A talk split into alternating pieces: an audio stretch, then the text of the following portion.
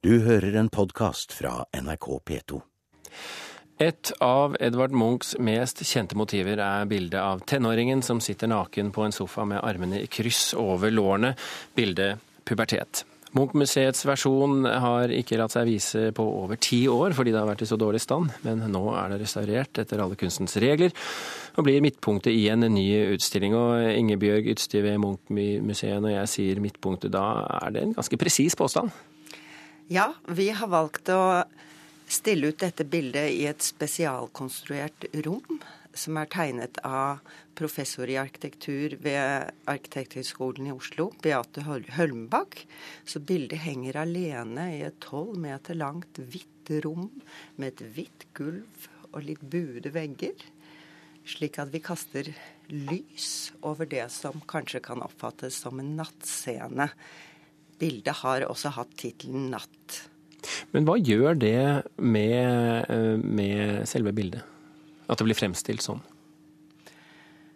Det, vi gjorde en del valg. Vi kunne prøvd å låne Nasjonalmuseets versjon også fra 1894. Og hengt det sammen med en senere versjon vi har fra 1914-16 og litografiet og raderingen.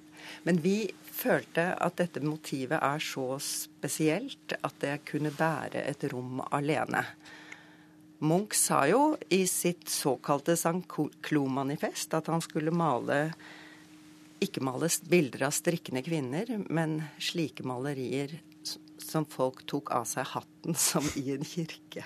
Men, men så vi viktig... gjør det jo litt litt sakralt, men det er spennende for en gangs skyld å, å gjøre noe sånt med men hvor viktig er dette motivet i Munchs produksjon, siden han kommer tilbake til det eh, år om år? Han gjør jo det med veldig mange av motivene sine, men dette motivet anså han som et absolutt hovedverk. Det spennende ved det er at det ble aldri innlemmet i livsfrisen. Det er ikke ikke omgitt av eh, tolkninger og metaforer i Munchs litterære dagbøker, og han har selv aldri skriftlig kommentert hva han har ment med det. Så til forskjell fra mange av Munchs verk, så omgis det av en fascinerende språkløshet, men vakte umiddelbar betydelig interesse innen kunstkritikere da det ble vist. Det er jo malt i Berlin.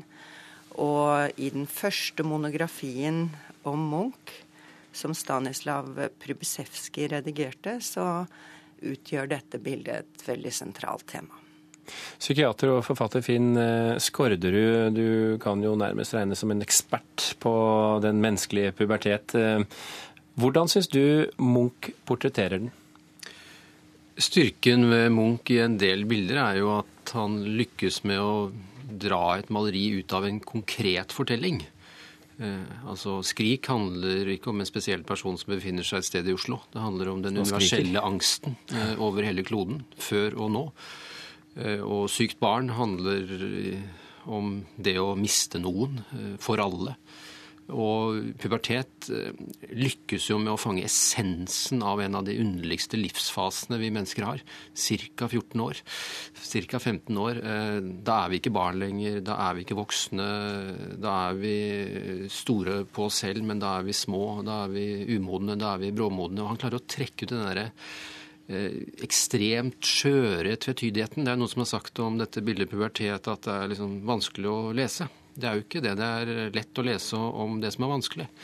Eh, så igjen at han lykkes med å bli essensiell, for å bruke et litt fint ord. da. Men er det det man eh, snakker om når man snakker om at dette bildet har eksistensielle kvaliteter og, og, og tar opp i seg eksistensielle spørsmål? Ja, det syns jeg er en annen måte å si det på. Altså at uh, dette handler om det å være pubertal i dag. Uh, jeg ville tro det ville handle om å være pubertal uh, i andre enden av kloden. Fordi det er eksistensielle temaer, nemlig brytningen fra å være barn til å bli voksen. Det er veldig forskjellige kulturelle rammer rundt det. Nå er vi jo ungdom til vi er 35. Mens før så varte ungdomstiden kanskje bare noen måneder. Men allikevel eh, den der voldsomme skjørheten i at man beveger seg fra noe annet. Og det er eksistensielt, men det er jo også biologisk, for den saks skyld. På hvilken måte? Det er ikke bare den tiden hvor du skal skifte roller, men det er også den tiden hvor det skjer ting i kroppen din som du ikke har kontroll over. Fra å være barn til å bli utsatt for hormoner og behåring. Og det er virkelig en eksistensiell fase fordi det er så mye som kastes rundt akkurat da. Hun sitter der eh, med armene i kryss over sine sammenklemte lår, naken, eh, i kyskhet, som Munch eh, beskrev det, og med en stor skygge bak seg. Hva, hva, hva skal vi si om den skyggen? Hvilken symbolikk ligger i den? Ja, altså, Vi snakker jo om at det nå også har kommet en bok som Ingebjørg Ysti har vært redaktør for, og forskjellige har skrevet om dette. Eh, og Der kommenteres denne skyggen. Eh, og Undertegnede skriver jo i mitt bidrag at kanskje vi skal være litt forsiktige med å drive og fylle den med all verdens mening. Det vil si at Men det er noe litt skremmende og Ja, til de grader. Men eh, det som har vært en tradisjon i titalls år, det er at mannlige kritikere har tolket noe seksuelt inn i det på en spesiell måte. Det kan godt være at symbolet eller skyggen er mye mer åpen. altså at Her er det noe diffust, noe ukontrollert som vi ikke har tak på. Og det er nok skyggen... av ukontrollerte ting unge mennesker erfarer i dag. Men denne skyggen vokser etter hvert som eh, Munch bearbeider bildet år etter år etter år. Er det tilfeldig? Det er mulig at vi skal spørre Munch-eksperten om det. Helst det. Det er det vanskelig å svare presist på. Men eh, i vår versjon så følger den jo litt mer hennes kropp. Mens i Nasjonalmuseet så er den mer sånn amorf form. Så men Munchs bruk av skyggen er et stort tema i seg selv. Han, han bruker skygger i mange sammenhenger. Det er, det, men det er en annen ting som er forskjellen mellom Munch-museets eh, versjon og Nasjonalmuseets versjon, som begge ble malt på i samme år. Og det er at Nasjonalmuseets versjon, der er hun skarpere. Hun er, har et mer direkte blikk, tydeligere. Um, hvilket av bildene er best? Jeg syns jo vårt maleri har, har, noe av den skjørheten. Så her er det et formalt aspekt som bygger opp mot bildeuttrykket på en veldig, veldig fascinerende måte. Vårt maleri er svært eksperimentelt. Det er malt på ugrundert lerret. Han lar malingene renne. Han lar store felter stå ubemalt. Han spruter på det med penselen.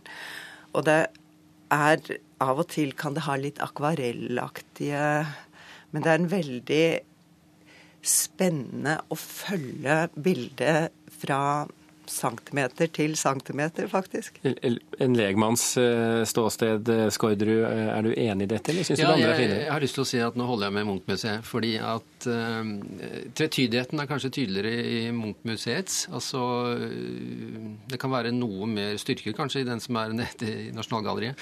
Altså skjørheten, men samtidig trassen, styrken. Altså, det er veldig avansert balansert, syns jeg. Og Samtidig så er det som uh, Ingebjørg sier noe om at selve bildet er så skjørt.